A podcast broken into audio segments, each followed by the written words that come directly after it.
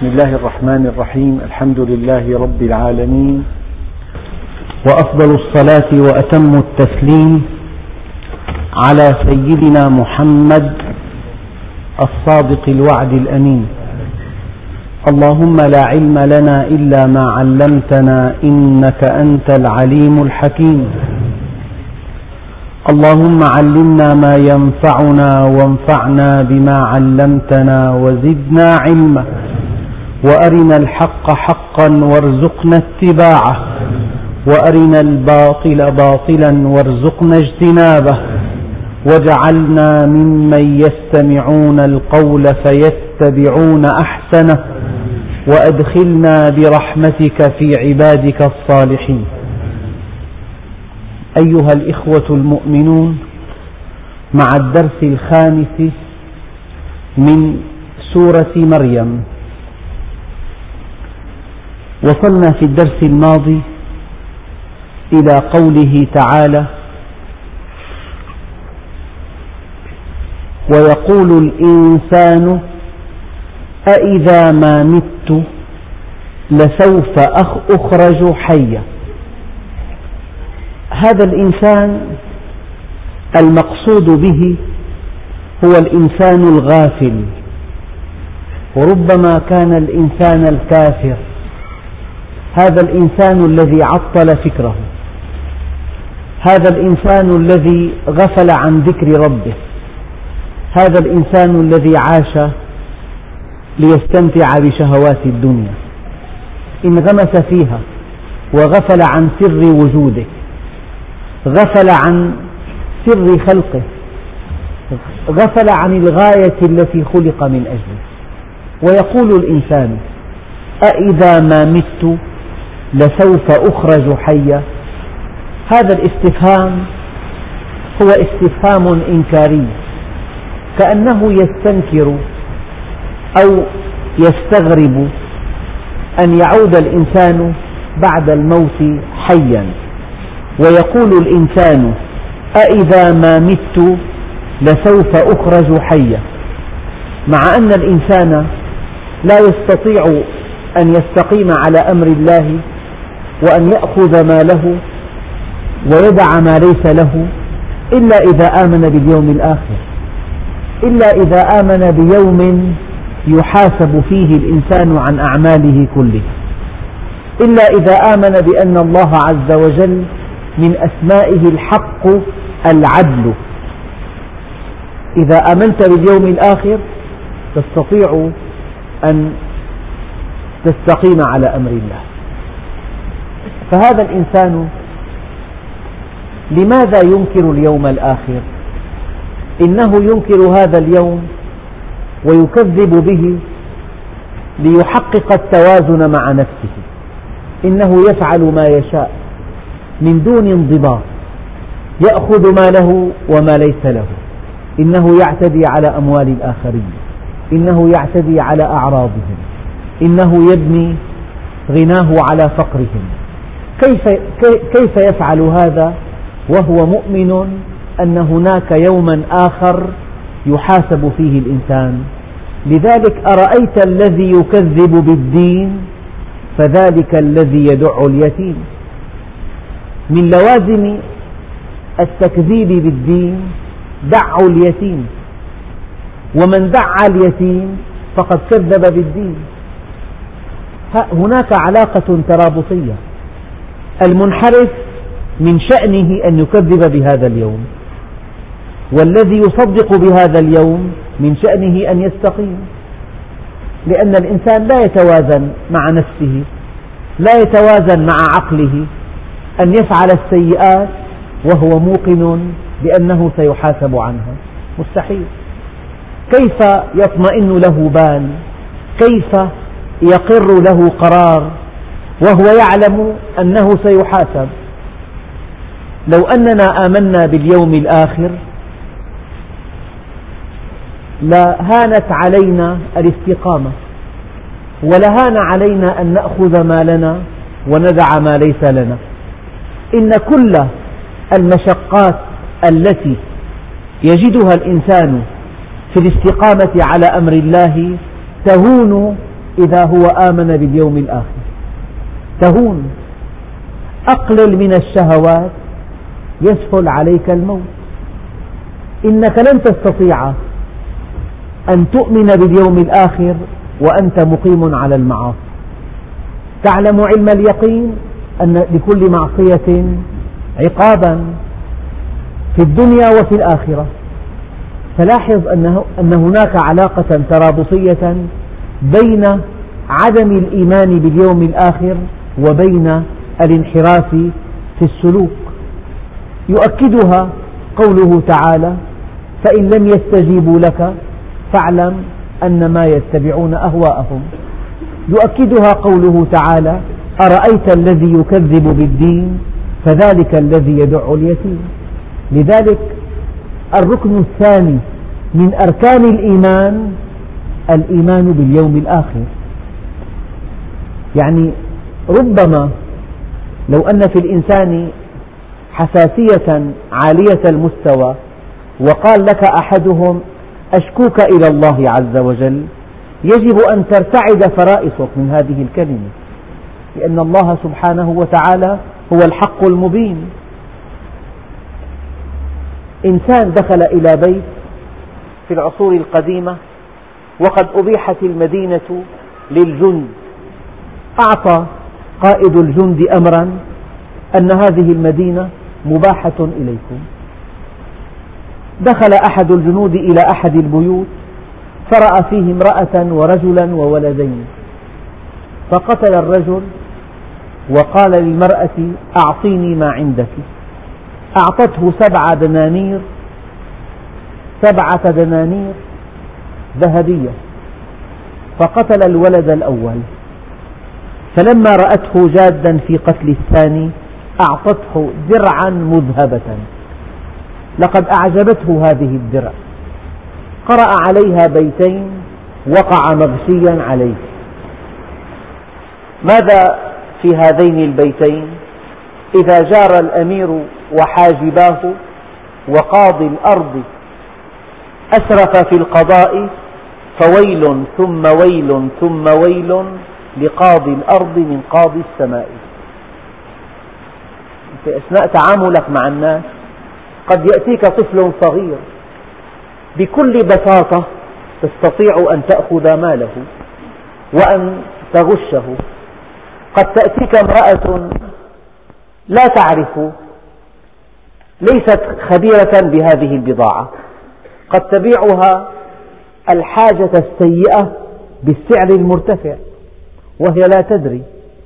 لكنك إذا علمت أن لك مع الله وقفة يحاسبك فيه في هذا الموقف عن هذه المرأة لماذا عاملتها هذه المعاملة؟ هنا المشكلة. الحياة فيها قوي وفيها ضعيف. القوي مبتلى بالقوة والضعيف مبتلى بالضعف. الغني مبتلى بالغنى والفقير مبتلى بالفقر.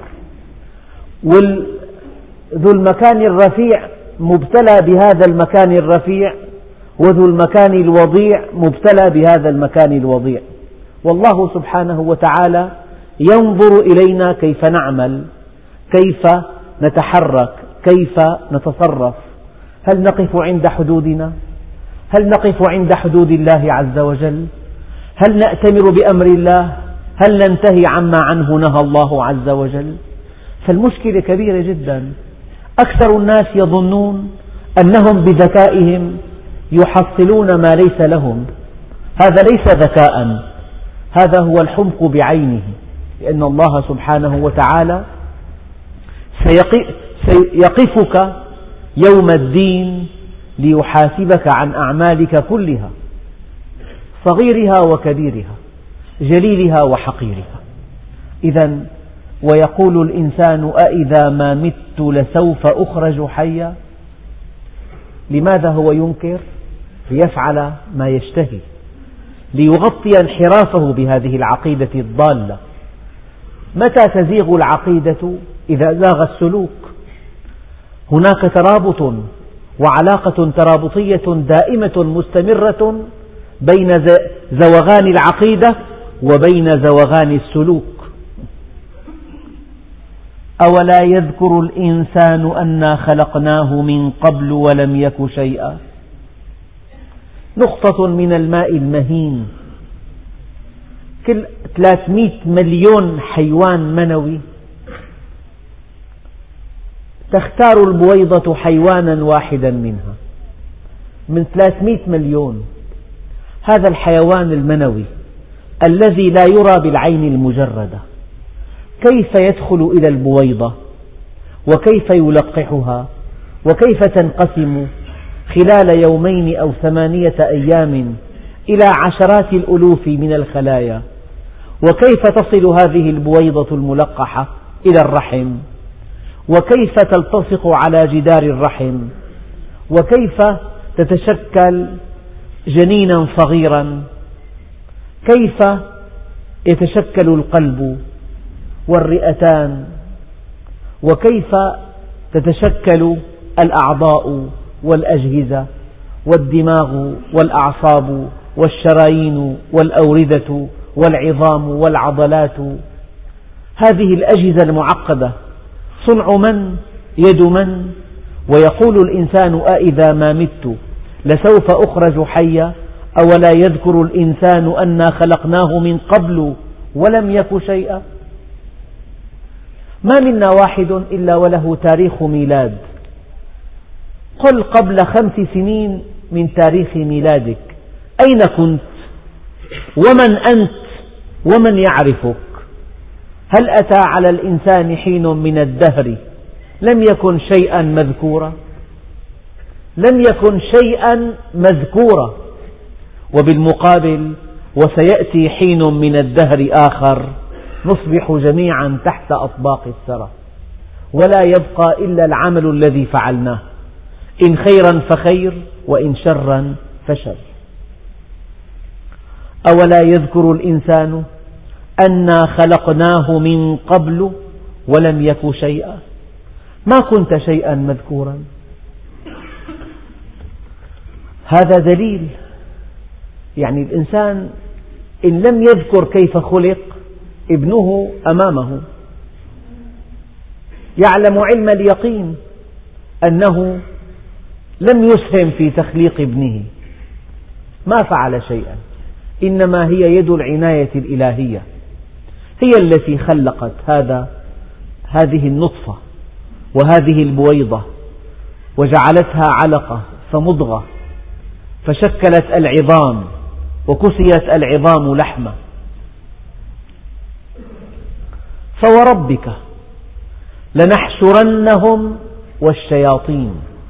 يعني هؤلاء الذين ينكرون البعث هؤلاء الذين ينكرون اليوم الآخر ويفعلون أفعالا لا ترضي الله عز وجل ويحتالون على الناس ويتباهون بذكائهم أنهم أخذوا ما ليس لهم. هؤلاء الذين فعلوا ما يشتهون وانغمسوا في المتع الرخيصة واعتدوا على الأموال والأعراض. هؤلاء الذين كفروا بالله عز وجل وكفروا بآياته وكفروا باليوم الآخر لن يتركوا سدى.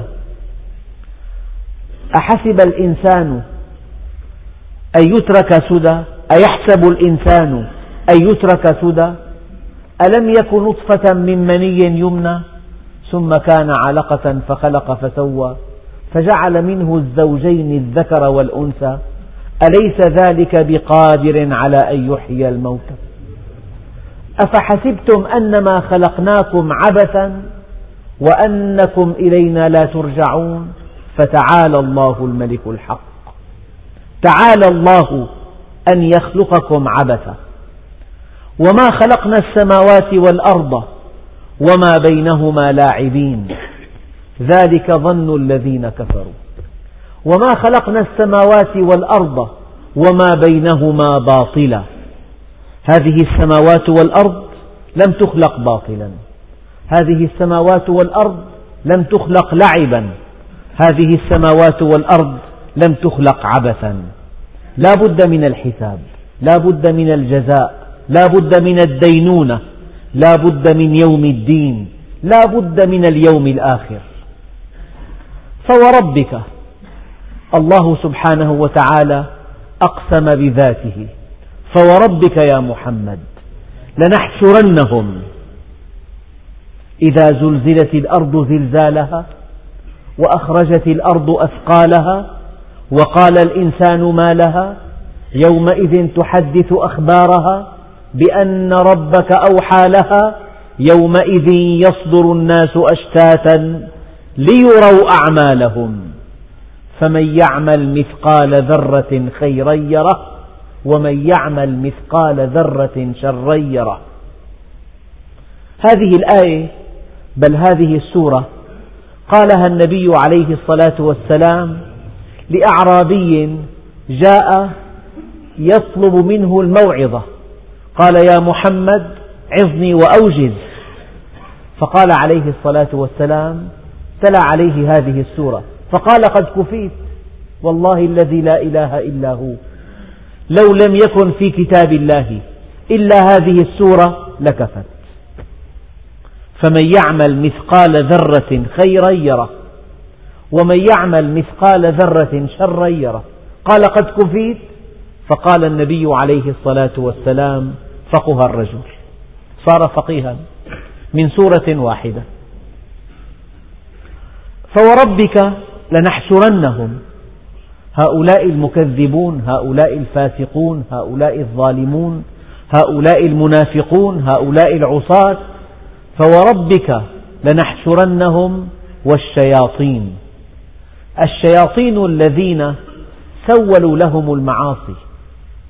الذين وسوسوا لهم زينوا لهم المنكرات زينوا لهم خرق الحرمات زينوا لهم مخالفة رب الأرض والسماوات.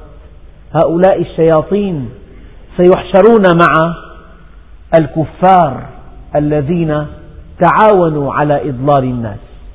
فوربك لنحشرنهم والشياطين ثم لنحضرنهم حول جهنم جثيا نحضرنهم حول جهنم. جثية. ومعنى جثية الوقوف على الركبتين. وهذه وقفة فيها ذل. كلكم رأيتم في بعض الصور كيف أن الأسرى يساقون في وضع ذليل. هؤلاء الكفار والمنافقون والفجار والمنحرفون والذين طغوا وبغوا وعصوا وعتوا عن أمر ربهم هؤلاء جميعا يساقون إلى جهنم ونحضرنهم حولها جثية في وضع ذليل. هل أتاك حديث الغاشية؟ وجوه يومئذ خاشعة عاملة ناصبة. تصلى نارا حامية. ثم لننزعن من كل شيعة أيهم أشد على الرحمن عتيا كل جماعة كل فئة كل كل مجموعة من البشر كل قوم كل أمة. كل جماعة ننزعن منها أشدها كفرا وأشدها طغيانا وأشدها عصيانا وأشدها كبرا وأشدها انحرافا. هذه ننزعن من كل شيعة أيهم أشد على الرحمن عتيا أيهم أشد على الرحمن تمردا وانحرافا. أما لماذا قال الله عز وجل أشدهم على الرحمن؟ ولم يقل مثلا أشدهم على الله. يعني هذا الذي عتى على الرحمن. بعث بالأنبياء ليرحمه بهم. أنزل الكتاب بالحق ليهتدي به. بعث له من المصائب ما يوقظه من غفلته. المصائب والأنبياء والرسل والكتب والدعاة وكل هذه من أجل أن يعود إلى الله عز وجل. إن هذا كله هو عين الرحمة أشدهم على الرحمن عتية. ومع ذلك كان رده الكفر والجحود والمعصية والانحراف. والاتجاه نحو طريق الشهوات. ثم لننزعن من كل شيعة أيهم أشد على الرحمن عتيا. يؤخذ الأكثر جرما أولا ويلقى في النار. ليكون هذا ليكون في هذا موعظة لأولي الألباب. ليكون في هذا موعظة لكل شيعة من هذه الشيع وكيف أن الذي تولى كبره منها وتولى آه، دعوتها إلى الكفر والفسق والفجور كيف أنه سيحاسب بادئ ذي بدء وسيلقى الجزاء العادل. يعني إذا ألقي القبض على عصابة يحاسب زعيم هذه العصابة قبل كل شيء وتلقى عليه التبعة كلها ويلقى أشد العذاب وهكذا. ثم لننزعن من كل شيعة أيهم أشد على الرحمن عتيا أيهم عصى وبغى أكثرهم عصيانا وأكثرهم طغيانا وأكثرهم انحرافا. الذي ضل وأضل والذي زل وأذل ثم لنحن أعلم بالذين هم أولى بها صليا. الله سبحانه وتعالى عليم حكيم. يعلم من, من الذي يستحق العذاب أول شيء. نعلم كل إنسان ما الدرجة من العذاب التي تناسبه والتي يستحقها ثم لنحن أعلم بالذين هم أولى بها صليا وإن منكم إلا واردها كان على ربك حتما مقضيا اختلف بعض العلماء في هذه الآية جمهور العلماء على أن الناس جميعا مؤمنهم وكافرهم تقيهم وفاجرهم. سيرد النار. وورود النار شيء ودخولها شيء آخر. فرق كبير بين أن تردها فتطلع على ما فيها ثم تنجو وبين أن يردها الإنسان فيقع فيها. قد يسأل سائل ما الحكمة في أن المؤمنين الصالحين الصادقين التائبين الطائعين سيردون على النار؟ قال بعضهم إن الحكمة من ذلك لتزيد سعادة المؤمنين في الجنة ليروا المكان الذي كانوا يستحقونه لو لم يؤمنوا بالله عز وجل. ليروا المكان الذي سيعذبون فيه فيما لو لم يستقيموا على أمر الله. إنك إذا وضعت أمام خيارين واخترت الأسلم وسعدت بهذا الاختيار ثم رأيت الشقاء الذي حل بمن اختار الاختيار الآخر إن هذا يضاعف سرورك وسعادتك بحسن اختيارك. فلذلك ربنا سبحانه وتعالى من بعض المعاني المستفادة من أن هؤلاء المؤمنين التائبين الطائعين الأتقياء لماذا يردون النار؟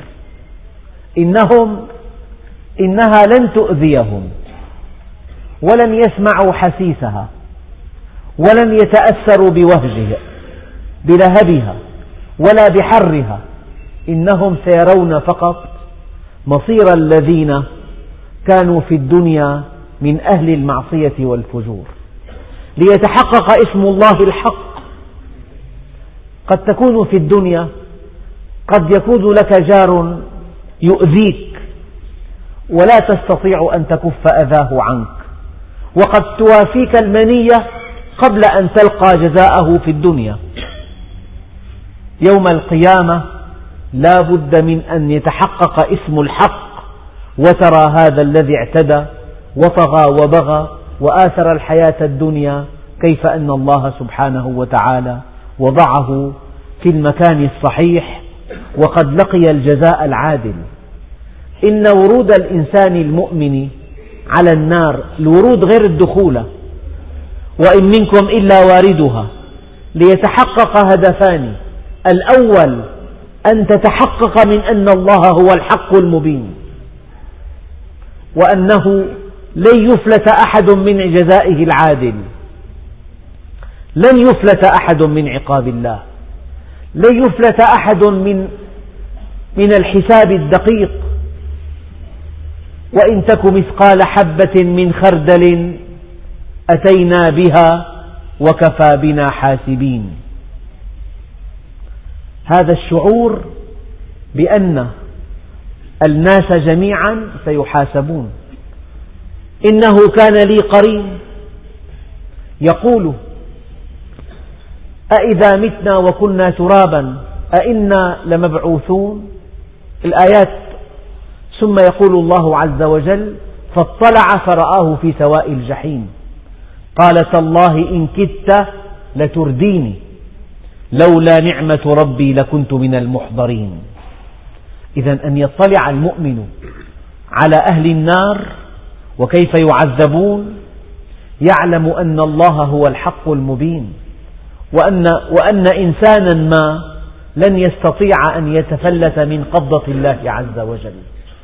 فالذي تراه في الدنيا تراه في الدنيا والذي لم تره في الدنيا لا بد من أن تراه في اليوم الآخر. وإما نرينك بعض الذي نعدهم أو نتوفينك. النبي عليه الصلاة والسلام قد يعيش ليرى جزاء الله العادل في الكفار أو قد تدركه المنية قبل أن يرى. ولكننا جميعا لا بد من أن نرى يوم القيامة. فجمهور العلماء على أن هذه الآية تعني أن الناس جميعا مؤمنهم وكافرهم تقيهم وفاجرهم سيردون النار. فالأتقياء لا تؤذيهم ولا يمسهم لهبها ولا يتأثرون بحرها ولا يصلون سعيرها بل إنهم يطلعون على ما فيها. ليتضاعف بهذا سعادتهم يوم القيامة. ليتضاعف بهذا لذتهم في الجنة. إنهم يرون مصيرهم فيما لو لم يؤمنوا. مصيرهم فيما لو عصوا. مصيرهم فيما لو لم يستقيموا على أمر الله. هذه واحدة. أما الثانية ليروا أن الله هو الحق المبين. فيجب أن توقن أن الله سبحانه وتعالى لا يضيع مثقال حبة من خردل. وإن تك وإن تك حبة وإن تك حسنة يضاعفها ويؤتي من لدنه أجرا عظيما. وبعضهم قال إن هذه الآية وإن منكم إلا واردها تعني هؤلاء الكفار الفجار حصرا ألم يقل الله عز وجل ويقول الإنسان أإذا ما مت لسوف أخرج حيا أولا يذكر الإنسان أنا خلقناه من قبل ولم يك شيئا فوربك لنحشرنهم والشياطين ثم لنحضرنهم حول جهنم جثيا ثم لننزعن من كل شيعة أيهم أشد على الرحمن عتيا ثم لنحن أعلم بالذين هم أولى بها صليا وإن منكم أيها الكفار. كأن الله عز وجل لا يخاطب المؤمنين يخاطب الكفار. وإن منكم إلا واردها. كان على ربك حتما مقضيا هذا هو المعنى الآخر. أنها ليست هذه الآية لعامة الناس إنها خاصة بالكفار. طيب كيف نتابع الآية؟ يقول الله عز وجل ثم ننجي الذين اتقوا ونذر الظالمين فيها جثيا إما أن نقول ثم وإما أن نقول ثم. ثم حرف عطف. يفيد الترتيب على التراخي لكن ثم ظرف مكان.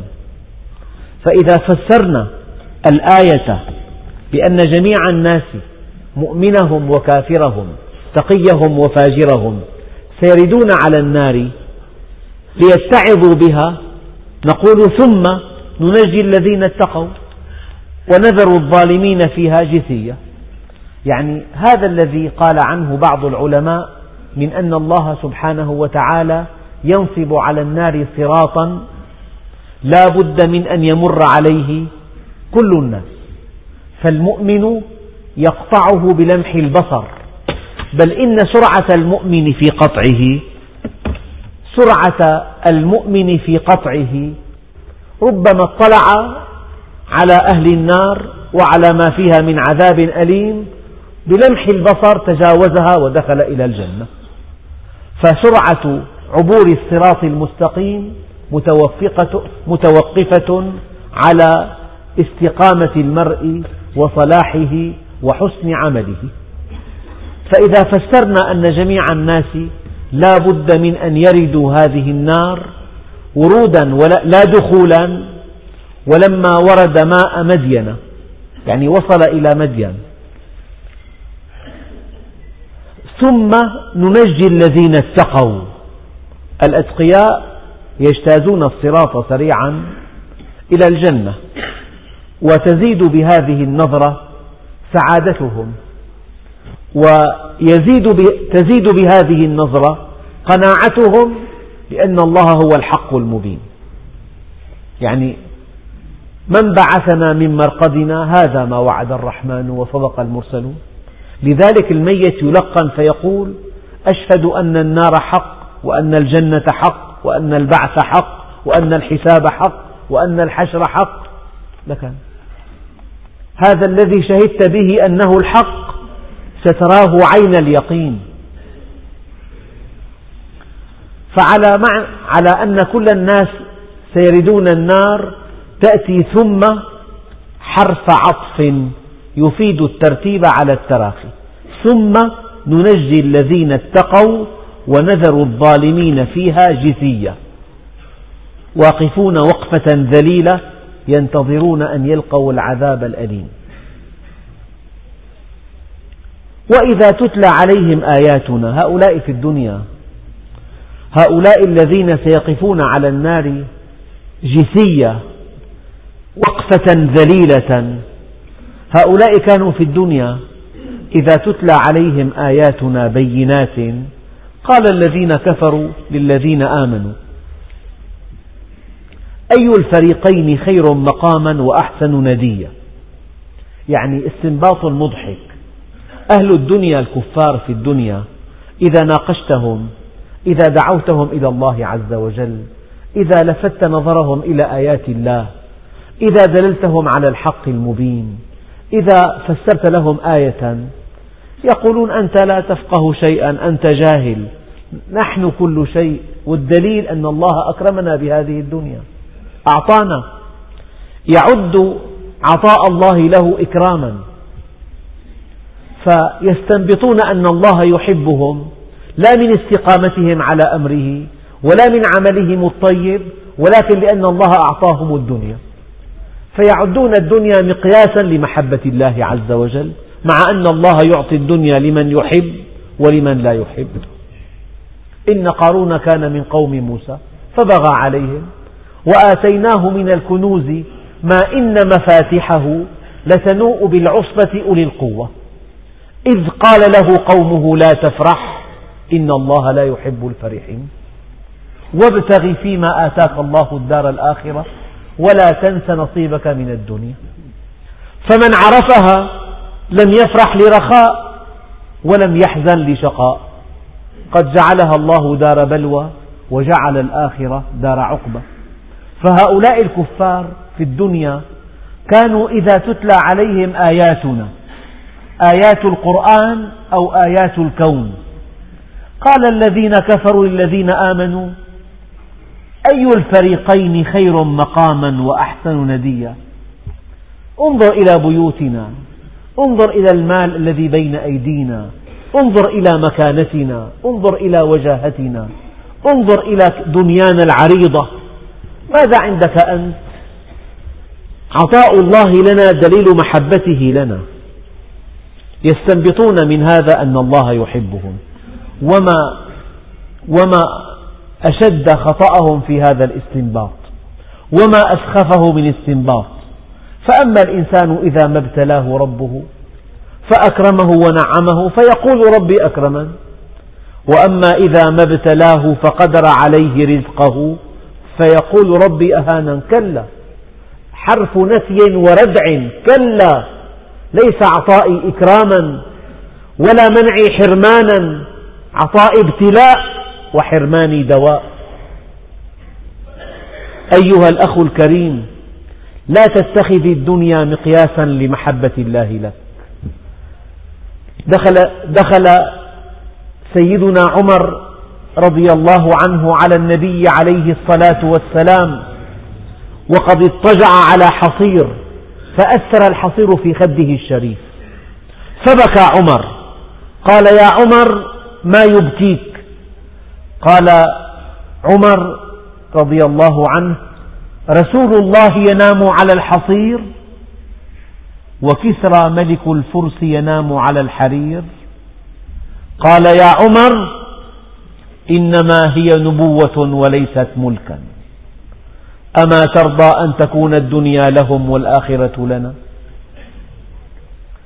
عدي بن حاتم كان ملكا دخل على النبي عليه الصلاة والسلام.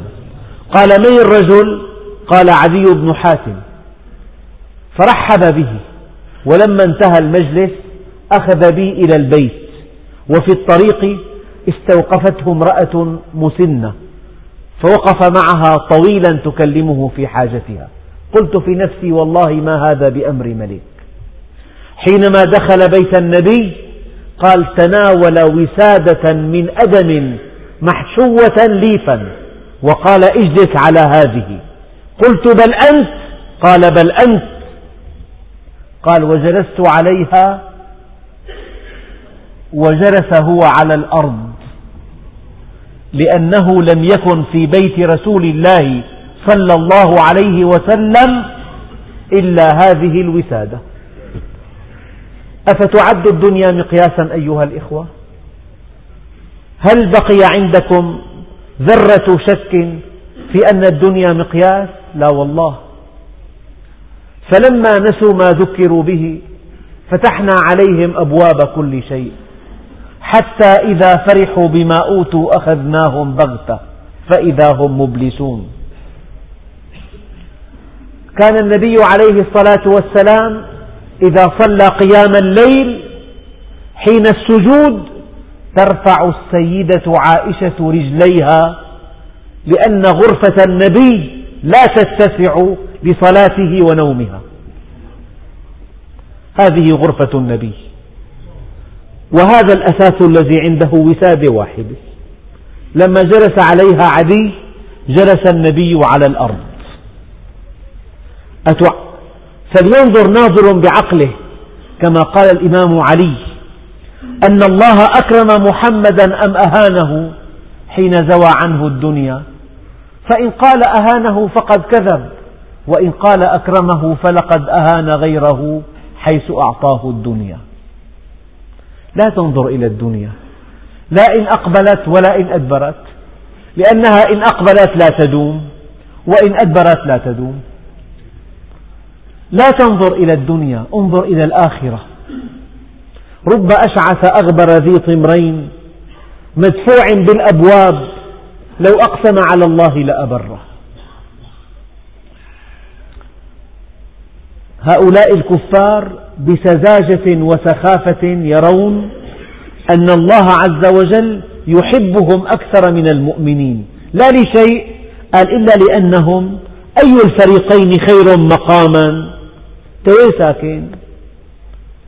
يفتخر بحي بحيه الراقي الذي يسكنه وبمساحة بيته الكبيرة وبفرشه الأنيق وبتزييناته الرائعة. أي الفريقين أحسن مقاما؟ خير مقاما وأحسن نديا الندي من النادي يعني نحن نرتاد النوادي الراقية. أنت أين, أين تسهر أنت؟ تسهر في بيتك. أنت فقير.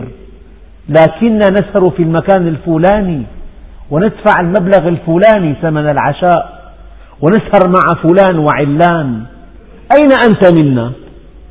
هؤلاء الكفار يظنون أن هذه الأموال وهذا البيت وهذا الفرش وهذا الأثاث وهذه النشاطات الاجتماعية الراقية وهذا المجتمع المخمل كما يقولون هو مقياس رفيع عند الله عز وجل. أي الفريقين خير مقاما وأحسن, وأحسن نديا؟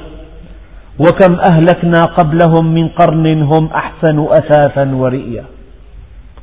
أقوام كثيرون بلغوا أوج الحضارة. لا تزال حضارة المصريين مجهولة الأسرار. ومع ذلك أهلكهم الله عز وجل. أين الرومان الذين عمروا القصور وأنشأوا المدارج؟ أين أصحاب الآثار؟ بلادنا كلها آثار. أين أصحابها؟ أين عاد وثمود؟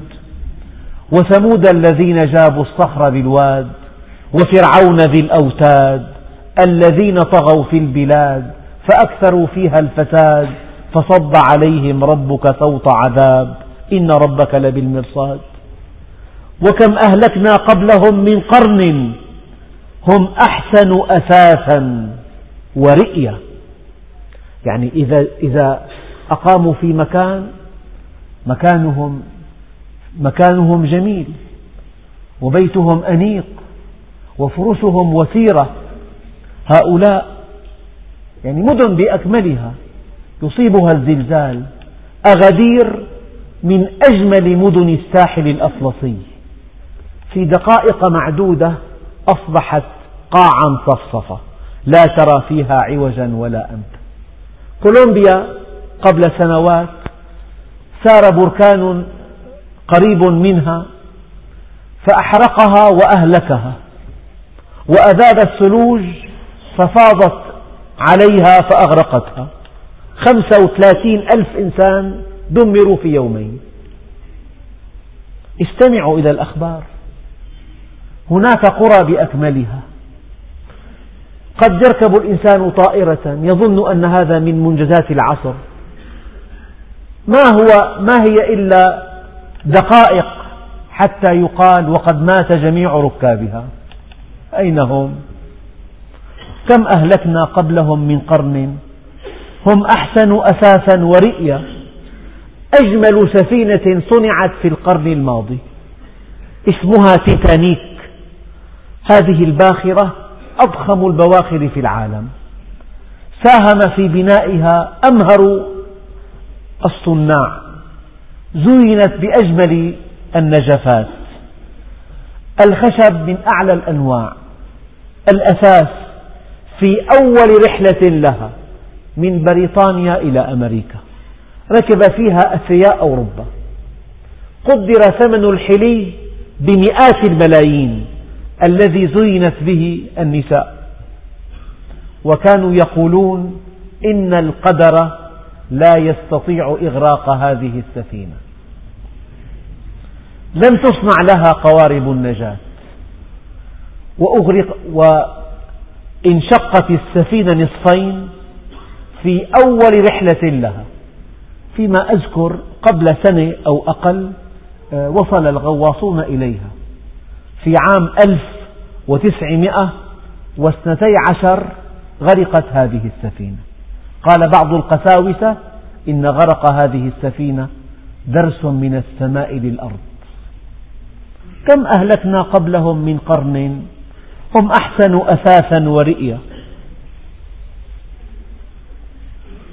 هي إشلنجر ترجمتها المتحدي المتحدي. تحدوا بها السماء. ما هي إلا سبعين ثانية؟ حتى أصبحت كتلة من اللهب. أين هي؟ كم أهلكنا قبلهم من قرن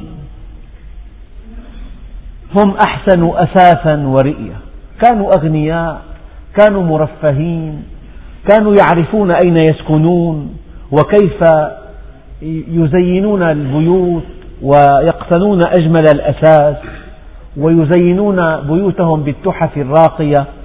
ويعرفون كيف يأكلون ما لذ وطاب من الطعام فإذا جاء ملك الموت أخذهم ولا يلوون على شيء.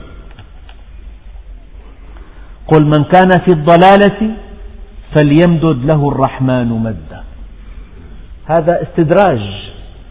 قل من كان في الضلالة فليمدد له الرحمن مدا. حتى إذا رأوا ما يوعدون إما العذاب وإما الساعة. فسيعلمون من هو شر مكانا وأضعف جندا. الآية الأخيرة ويزيد الله الذين اهتدوا هدى. الإنسان إذا اختار الهدى زاده الله هدى. إنهم فتية آمنوا بربهم وزدناهم هدى. بمجرد أن تطلب الهدى يأتيك الهدى أضعافا مضاعفة. إذا تقرب إلي عبدي شبرا تقربت إليه ذراعا. وإذا تقرب إلي ذراعا تقربت إليه باعا. وإذا أتاني مشيا أتيته هرولة. والذين جاهدوا فينا لنهدينهم سبلنا. ويزيد الله الذين اهتدوا هدى. تختار الهدى فيعينك الله على أمر دنياك. كي يفرغك للهدى يعينك الله على أمر دينك بزوجة صالحة. يلهمك رشدك يجمعك مع أهل الحق يفتح بصيرتك. هذا كله مما يفهم من هذه الآية. ويزيد الله الذين اهتدوا هدى. والباقيات الصالحات خير عند ربك ثوابا وخير مردا. الباقيات جمع. مفرده الباقية. كل شيء يبقى بعد الموت ينضوي تحت هذه الآية.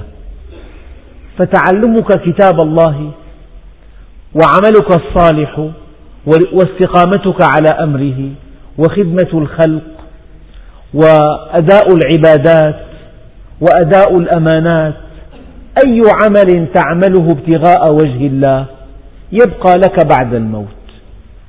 اجعل الموت فيصلا في أعمالك. الشيء الذي ينتهي عند الموت لا تعنى به كثيرا. مهما بلغت فيه مهما حصلت منه مهما تفوقت فيه مهما علوت في الأرض فيه يأتي ملك الموت ويأخذ منك ما حصلته في ثانية واحدة. وأما الشيء الذي يبقى بعد الموت فهذا الذي يجب أن تعنى به. هذا الذي يجب أن تكرس إن صح التعبير كل جهودك من أجله. هذا الذي يجب أن يأخذ اهتمامك. هذا الذي يجب أن ينال إعجابك. الشيء الذي يبقى بعد الموت. طلب العلم فرض عين وآثار طلب العلم تبقى بعد الموت. تعلم كتاب الله فرض عين وآثار هذا التعلم تبقى بعد الموت. الاستقامة على أمر الله تبقى آثارها بعد الموت. الأعمال الصالحة تبقى آثارها بعد الموت. الأمر بالمعروف والنهي عن المنكر تبقى آثارها بعد الموت. أداء العبادات إقام الصلوات حج بيت الله صيام رمضان تعليم القرآن خدمتك للناس تربيتك لأولادك أي عمل تبقى آثاره بعد الموت؟ هذا الذي عليه المعول هذا الذي يجب أن تفني عمرك من أجله. هذا الذي يجب أن تمضي شبابك فيه. هذا الذي يجب أن تهز كتفيك من أجله. أيها الناس شمروا فإن الأمر جد وتأهبوا فإن السفر قريب وتزودوا فإن السفر بعيد وخففوا أثقالكم فإن في الطريق عقبة كؤود لا يجتازها إلا المخفون. وأخلصوا النية فإن الناقد بصير. هذا هو الفيصل هذا هو المقياس. اجعل الموت حدا. فالعمل الذي ينتهي عند الموت دعه. كل ابن أنثى وإن طالت سلامته يوما على آلة حدباء محمول. فإذا حملت إلى القبور جنازة فاعلم بأنك بعدها محمول. لكن الذي يبقى بعد الموت والباقيات الصالحات. خير عند ربك ثوابا وخير مردا. طبعا فأما من أوتي كتابه بيمينه فيقول هاؤم اقرءوا كتابي. إني ظننت أني ملاق حسابي فهو في عيشة راضية في جنة عالية قطوفها دانية. كلوا واشربوا هنيئا بما أسلفتم في الأيام الخالية. وأما من أوتي كتابه بشماله فيقول يا ليتني لم أوت كتابي ولم أدر ما حسابيه يا ليتها كانت القاضية ما أغنى عني مالي هلك عني سلطانية. خذوه فغلوه ثم الجحيم صلوه ثم في سلسلة زرعها سبعون ذراعا فاسلكوه. إنه كان لا يؤمن بالله العظيم. فيا أيها الإخوة الأكارم هذه الآيات دقيقة جدا. يعني محورها أن الدنيا ليست مقياسا. لا تحزن على الدنيا. سيدنا الصديق رضي الله عنه قيل عنه أنه ما ندم على شيء فاته من الدنيا قط. الأصل أن تعرف الله عز وجل والأصل أن تعمل عملا يبقى بعد الموت. أما الذي ينتهي بالموت فلا جدوى منه والخاسر هو الذي أمضى وقته في نشاط سخيف قل هل ننبئكم بالأخسرين أعمالا الذين ضل سعيهم في الحياة الدنيا وهم يحسبون أنهم يحسنون صنعا والحمد لله رب العالمين. الرحمن الرحيم الحمد لله رب العالمين وأفضل الصلاة وأتم التسليم على سيدنا محمد الصادق الوعد الأمين. اللهم أغننا بالعلم وزينا بالحلم وأكرمنا بالتقوى وجملنا بالعافية وطهر قلوبنا من النفاق وأعمالنا من الرياء وألسنتنا من الكذب وأعيننا من الخيانة فإنك تعلم خائنة الأعين وما تخفي الصدور اللهم اجعل جمعنا هذا جمعا مباركا مرحوما واجعل تفرقنا من بعده تفرقا معصوما ولا تجعل فينا ولا منا ولا معنا شقيا ولا محروما. وصلى الله على سيدنا محمد النبي الأمي وعلى آله وصحبه وسلم والحمد لله رب العالمين الفاتح.